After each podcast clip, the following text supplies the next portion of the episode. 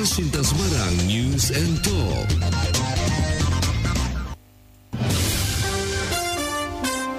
El Shinta News and Talk.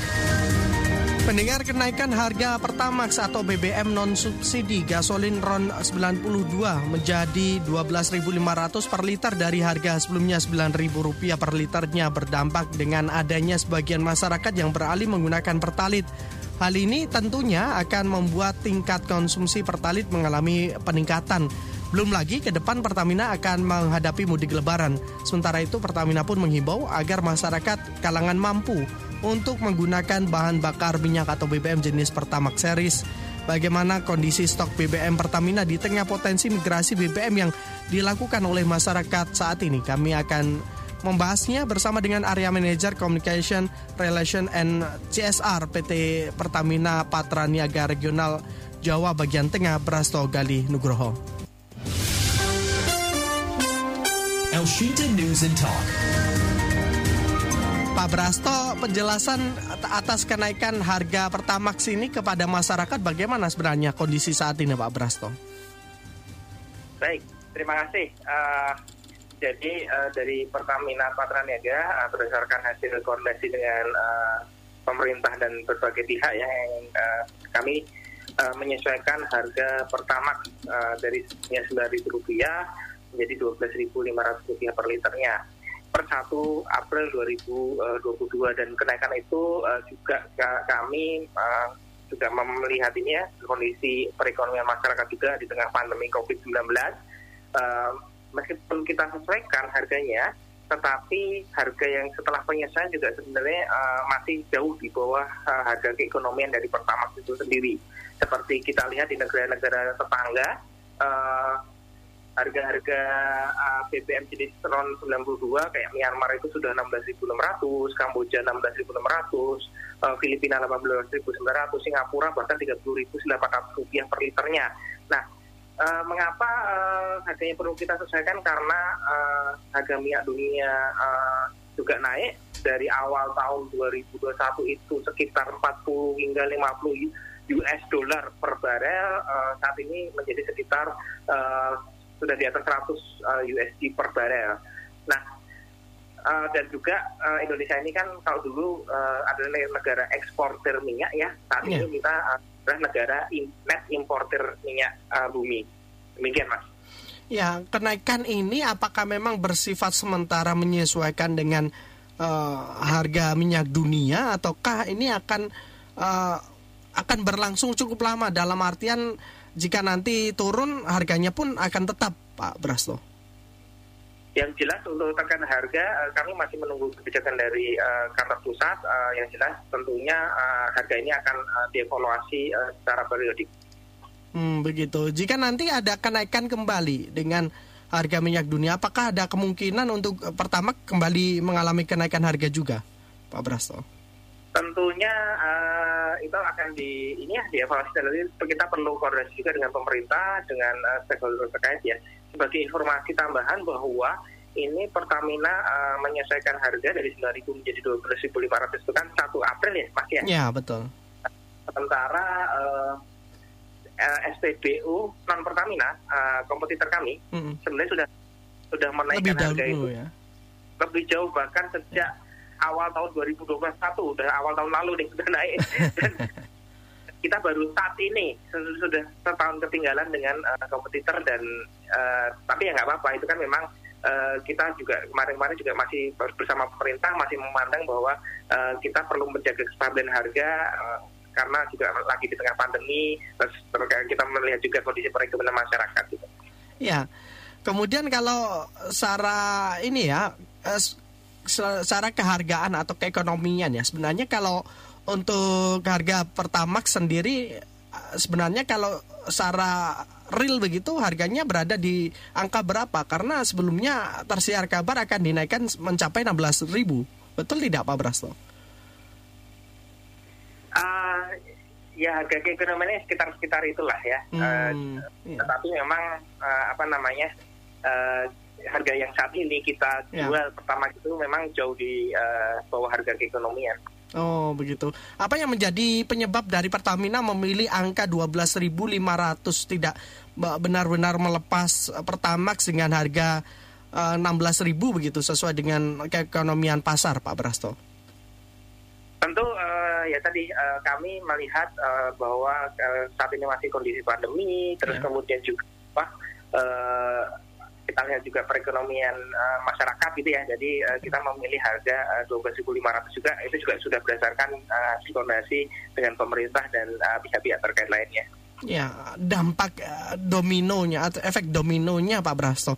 Jika nanti kemungkinan uh, atau sudah dinaikkan ya harga Pertamax ini, kemungkinan dari masyarakat yang uh, kategori menengah ke bawah. Kalau yang bawah bisa menggunakan pertalit, tapi kalau yang menengah biasa menggunakan pertamax. Kemudian ketika dinaikkan akan ada migrasi dari pertamax ke pertalit begitu.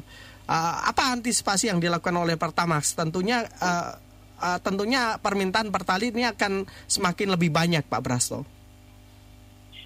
Uh, yang jelas uh, pertalite ya, yeah. sebagai BBM dan puluh ya, kemudian yeah. pertama itu kan kedua kami yakin bahwa konsumen Pertamax itu adalah konsumen yang uh, ini ya yang melihat ke, ke terkait dengan kualitas BBM dan juga uh, terkait dengan uh, ramah lingkungan dari produk BBM itu sendiri. Dan kami yakin uh, konsumen Pertamax ini adalah konsumen yang loyal terhadap uh, BBM per, uh, Pertamax. Dan mungkin ya saat ini pun ada uh, peralihan yaitu uh, tentu uh, tidak besar ya dan harapannya uh, kami mengimbau kepada konsumen, kepada masyarakat yang memang uh, mampu ya dan yeah. juga uh, menggunakan kendaraan uh, modern yang memang terkini gitu ya uh, bisa menggunakan uh, produk pertama seri sesuai dengan spesifikasi kendaraannya. Hmm, tapi kalau berdasarkan catatan dari Pertamina bagaimana? Apakah permintaan uh, Pertamax saat ini uh, tetap sama begitu sebelum dinaikkan begitu. Dan juga permintaan untuk pertalit apakah tetap sama? Tidak ada perubahan Pak Brasto?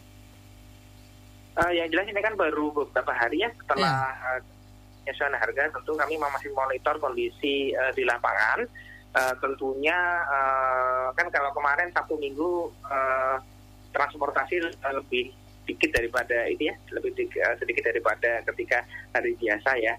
Dan dan apa tentunya uh, kami masih memonitor perkembangannya dan uh, kami berharap uh, masyarakat yang selama ini loyal terhadap Pertamax masih tetap juga menggunakan Pertamax karena kami juga uh, ini memiliki ini ya memiliki program-program untuk Pertamax series yang bisa uh, dilihat di uh, aplikasi My Pertamina. Hmm, baik terkait dengan ketersediaan uh, pertalit bagaimana Pak? Karena kita coba beberapa uh, ini ya di media sosial itu juga cukup banyak Pak untuk kabar bahwa Pertalit ini kosong di sejumlah SPBU seperti di Pati begitu. Dengan kenaikan Pertamax berarti kalau memang Pertalit kosong tentunya masyarakat secara otomatis eh, semacam kayak dipaksa untuk membeli Pertamax dong Pak. Sebenarnya gini, uh, pertama ketahanan stok untuk pertalite itu uh, kita tinggi, ya, mendekati angka 11 hari. Yeah. Itu belum masuk uh, stok pertalite yang ada di kilang maupun yang sedang dalam pengantaran melalui kapal. Nah, uh, dan uh, terkait dengan tadi yang disebutkan, um, yeah. itu mungkin bisa kita tanyakan ya uh, di SPBU mana karena uh, tidak dipukul rata uh, satu kota satu, satu kabupaten ya mungkin hanya satu dua SPBU dan uh, kendalanya bukan karena pasokannya yang apa uh, yang kurang tetapi bisa uh, nanti kita perlu lihat case by case nya yeah. bisa tidak apa uh, sedang dalam pengantaran atau mungkin hal yang lainnya tapi uh, saat ini kondisinya berapapun yang diminta oleh SPBU kita layani uh, jadi tidak ada pembatasan pertalite gitu untuk uh, SPBU. Ya, saya sebutkan saja ya eh, beberapa eh, SPBU di Kabupaten Pati uh, saat ini pada hari Jumat kemarin terpantau kosong untuk pertalit uh, yakni di SPBU di sepanjang Jalan Pati Tayu begitu kemudian di SPBU Desa Sendang Rejo Kecamatan Tayu di Kabupaten Pati itu salah satu contoh saja begitu Pak. Apakah memang untuk pertalit ini dikarenakan permintaan yang meningkat atau bagaimana Pak sehingga uh, beberapa SPBU sampai mengalami kosong pertalit kalau seperti ini masyarakat dong Pak yang nanti akan uh, terpaksa membeli BBM jenis lainnya dengan harga yang lebih tinggi Pak. Sebentar, saya cek uh, di Ya. aplikasi ya untuk Baik. SPBU uh, sembari kita menunggu yang jelas. Ya. eh, jadi eh, itu jam berapa dan tentunya eh, kita eh, su- sudah ini ya. eh, Ada tanggal 1 minggu. April kemarin waktu April. bertepatan dengan kenaikan Ya. Pertamax kemarin, Pak. dan juga Sabtu Minggu kemarin kita sudah eh, pasok ke Hmm. SPBU SPBU itu bahkan integrated terminal Semarang beroperasi 24 jam dan terminal terminal lain juga beroperasi eh, hingga apa namanya hingga pasokannya bisa terlayani. Yang jelas Ya. eh, pasokan di akhir pekan kemarin kita layani ke SPBU itu sesuai dengan permintaan. Jadi tidak ada pembatasan penyaluran, Ya. eh, eh, semua dikirim dan tidak ada masalah. eh, ketahanan stoknya juga bagus. Gitu. Jadi memang seandainya memang eh, stoknya misal eh, sedang eh, apa namanya sedang Kosong. sedang, eh, ya sedang dalam perjalanan Ya. eh, sehubungan dengan apa permintaan yang eh, mungkin meningkat ya. Eh, tapi kan eh, tentu eh, setelah itu langsung kita eh, setelah SPBU order langsung kita kirim. Jadi sebenarnya tidak ada masalah. Hmm, baik. Tetapi Nah, tentunya tentunya eh, ada SPBU yang lain yang eh, konsumen juga bisa eh, Hmm, ini ya bisa beralih apa, pindah SPBU begitu ya. ya, ya, kan sebenarnya tidak hanya itu aja kan. Mm, mm, mm. Baik. Tetapi dari Pertamina dalam hal ini menjamin ya ketersediaan pertalit jika memang masyarakat eh, eh, banyak yang beralih ke pertalit nantinya, Pak Pak Brasto. Ya, kesediaan pertalite kita jamin stoknya ada meskipun itu sekarang menjadi eh, BBM eh, penugasan ya, tapi Iya. kita eh, salurkan juga sesuai dengan eh, permintaan eh, dari eh, eh, pasar ya. Hmm, baik. Pak Brasto kalau menjelang Lebaran ini apakah juga ada penambahan stok, Pak? Untuk eh, menjelang Lebaran, eh, eh, untuk stok eh, kita build up stok ya eh, Iya. di fuel misalnya. eh, contoh untuk eh, Pertamax saja kita ketahanan stoknya 16 harian. Kemudian apa kayak eh, Dex itu justru malah 50 hari. Kemudian apa Dexlet eh, 30 harian dan solar eh, 19 harian ini belum termasuk eh, stok yang ada di kilang maupun eh, yang sedang dalam pengantaran kapal dan eh, dengan stok-stok tersebut eh, bisa untuk mencukupi kebutuhan di eh, Ramadan maupun Idul Fitri. Nah, biasanya peningkatan eh, kebutuhan itu eh, ada terjadi menjelang Idul Fitri. Ya. Ketika Menjelang mudik biasanya banyak sekali itu masyarakat Ya. yang mudik. Silakan. Ketika, Ya. ketika mudik dan nanti tentunya eh, seperti biasa kami membentuk satgas untuk eh, Ya. Ramadan dan Idul Fitri yang akan eh, dibentuk eh, bertugas eh, sekitar dua minggu hingga dua eh, sebelum Idul Fitri dan dua minggu setelah Idul Fitri. Nah, untuk estimasinya lagi kami susun. eh, tentunya eh, kami melihat tren-tren tahun sebelumnya maupun juga eh, tren-tren terbaru ya eh, terkait dengan itu dan eh, kita monitor nih untuk penyaluran di SPBU ini kita monitor melalui aplikasi eh, monitoring eh, SPB, eh, SPBU itu ada kita punya. Jadi eh, ini kebetulan mungkin kan ini karena lagi online ya, jadi saya Ya. mau buka aplikasinya lewat HP juga. Mm. Jadi tadi muter-muter nih kalau nggak off- offline, online Masyarakat bisa cek. memantaunya juga tidak Pak barangkali nanti ketika mudik begitu ingin mengisi BBM di depan ada uh, pom bensin uh, ternyata uh, takutnya ternyata kosong begitu bisa mengecek juga tidak sih masyarakat agar uh, ketika akan uh, merencanakan untuk berhenti mengisi BBM begitu bisa tepat begitu bisa sesuai Kalau itu ini aplikasi internal mohon oh internal baik baik Terus tentunya eh, gini apa? Kalau untuk eh, ketika mau Idul Fitri, ketika Ya. mau mudik, kita punya eh, pertama itu kita ada penambahan-penambahan eh, fasilitas ya. Ya. Eh, fasilitas itu kayak kalau di jalur tol kita punya eh, kita tambah portal shopnya, kita tambah apa eh, SPBU modular gitu ya. Hmm, Terus yang juga- mobile juga ya yang ya yang mobile. Terus juga eh, kita punya eh, seandainya nih misal ketika mudik eh, di, di jalan kehabisan BBM ya. bisa call ke Pertamina call center 135 untuk bisa diantar eh, Pertamina delivery service. Di memang belum semua kota kabupaten tapi di eh, beberapa tempat sudah ada Pertamina delivery service gitu ya. Ya. Nah nanti bisa diantar untuk BBM jenis pertama series untuk eh, ataupun deck series ya.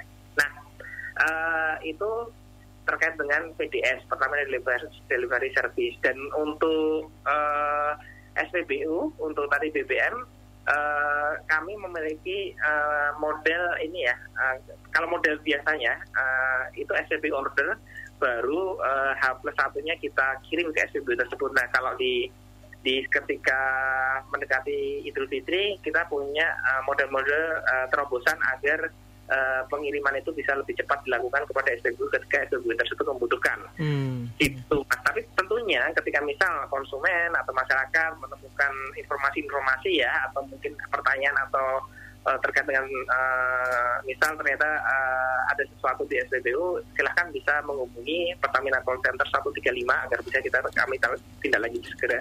Ya, baik.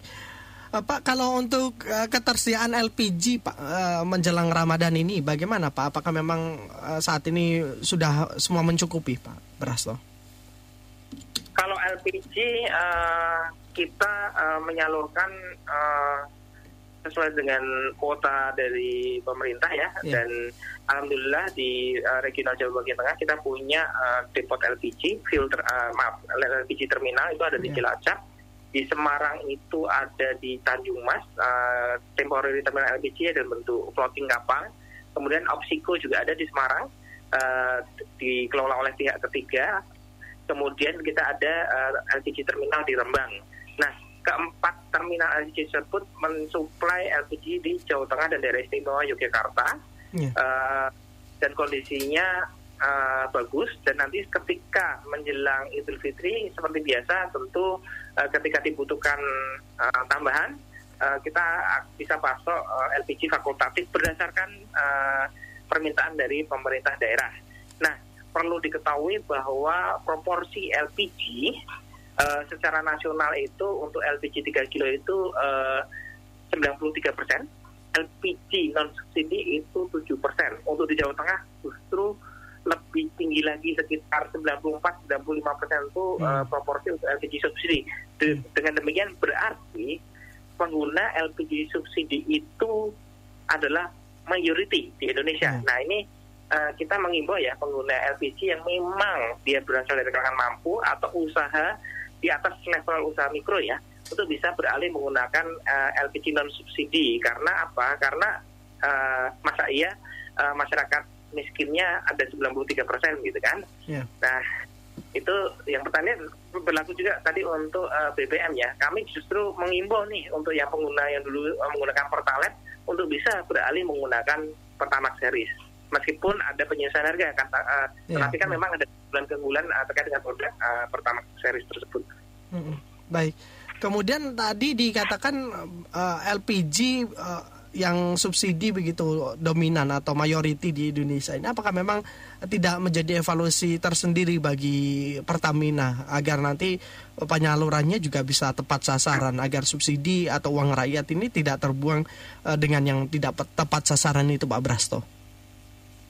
Baik, terima kasih. Jadi memang uh, yang saat ini uh, yang kami uh, dengar adalah sudah ada wacana untuk uh, subsidi itu bukan ke subsidi barang. Dalam artian bukan ke subsidi LPG-nya tapi ke subsidi orang, orang yang memang uh, butuh hmm, subsidi. Berarti saya contohkan BLT minyak goreng seperti yang kemarin diumumkan oleh Pak Jokowi, begitu? Ah ya, modelnya seperti tapi itu uh, keputusannya ada di pemerintah, pemerintah pusat ya. Jadi ya. uh, selaku operator kami intinya uh, kami mengikuti apa yang diputuskan oleh pemerintah pusat. Nah, sehubungan dengan kuota LPG ini kan juga ditetapkan oleh uh, pemerintah pusat ya. Uh, hmm. Kuota LPG-nya sekian berdasarkan juga masukan dari pemerintah daerah. Yeah. Nah, tentunya kami sebagai badan usaha, uh, kami bukan uh, regulator, kami badan usaha yang tentunya kami mengikuti apa kata regulator. Nah, untuk pengawasan itu sendiri di daerah uh, diawasi oleh uh, dinas uh, yang ditunjuk oleh uh, kepala daerahnya biasanya adalah dinas SDM dan uh, disperindak. Hmm, begitu. Pak, saya mau dan, ya, silakan. Ya. Silakan Pak Brasto. Dan tentunya uh, ya. pengawasan oleh pemerintah daerah itu tentu juga didukung oleh beberapa uh, instansi ya, seperti kepolisian, ya. Pertamina juga juga pengawasan yang dilakukan. Iya.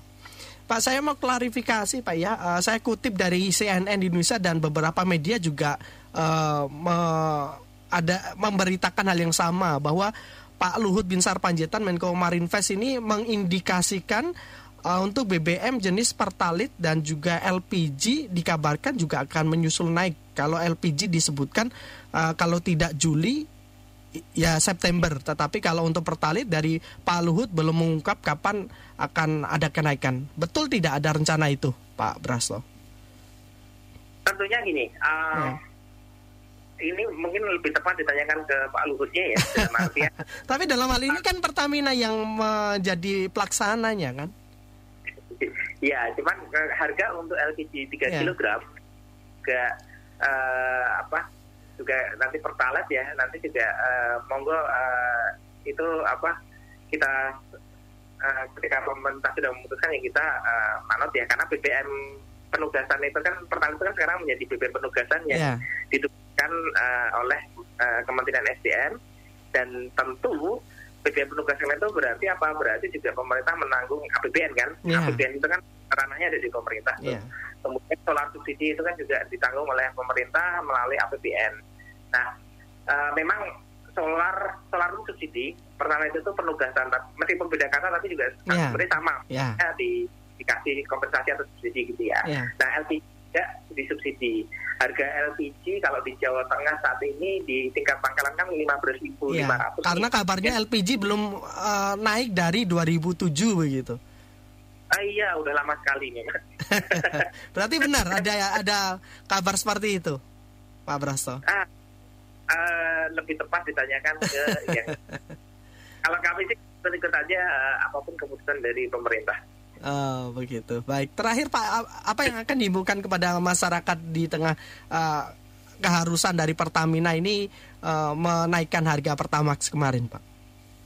Yang jelas uh, pertama uh, penyesuaian harga pertama tersebut memang uh, mau tidak mau kita lakukan ya mengingat kondisi uh, minyak dunia dan juga mengingat bahwa kita, Indonesia ini adalah negara net importer. Kita banyak mengimpor uh, minyak ya dari luar ya. Jadi kita harus mengikuti harga uh, minyak dunia. Dan uh, perlu kami tekankan kembali bahwa Pertamax ini uh, kita sesuaikan itu tertinggal satu tahun dibandingkan dengan kompetitor kami. Hmm. gitu ya kompetitor sebenarnya udah udah sejak lama dan bahkan kalau di Jawa Tengah itu uh, kompet, uh, ada SPBU mini kompetitor bukan yeah. hanya milik Pertamina dan itu harganya sesuai dengan harga pasar mereka menjualnya. Nah uh, itu yang pertama, yang kedua yang justru kami harapkan adalah bukannya dari uh, perta uh, konsumen pertama beralih ke pertalite, tapi justru konsumen pertalite beralih ke pertama. Karena apa? Karena pertama itu adalah BBM yang uh, berkualitas dan ramah lingkungan tentunya uh, ini pertama ini mengalami peningkatan ini loh, peningkatan apa namanya uh, konsumsi sejak tahun 2019 2019 hingga tahun 2022 ini jika di tahun 2019 ini proporsinya dibandingkan BBM lainnya itu hanya 11 persen, di tahun 2022 ini sudah meningkat menjadi 21 persen. Dan tentunya itu menunjukkan bahwa Pertamax ini semakin diminati oleh uh, konsumen. Hmm, baik. Pak Brasto, terima kasih banyak ya atas waktunya dan penjelasannya pada siang hari ini. Sehat selalu Pak Brasto. Ya, terima kasih. Sehat selalu. Demikian mendengar Area Manager Communication Relation and CSR PT Pertamina Patra Niaga Regional Jawa bagian Tengah Brasto Galih Nugroho. Elsita Semarang News and Talk.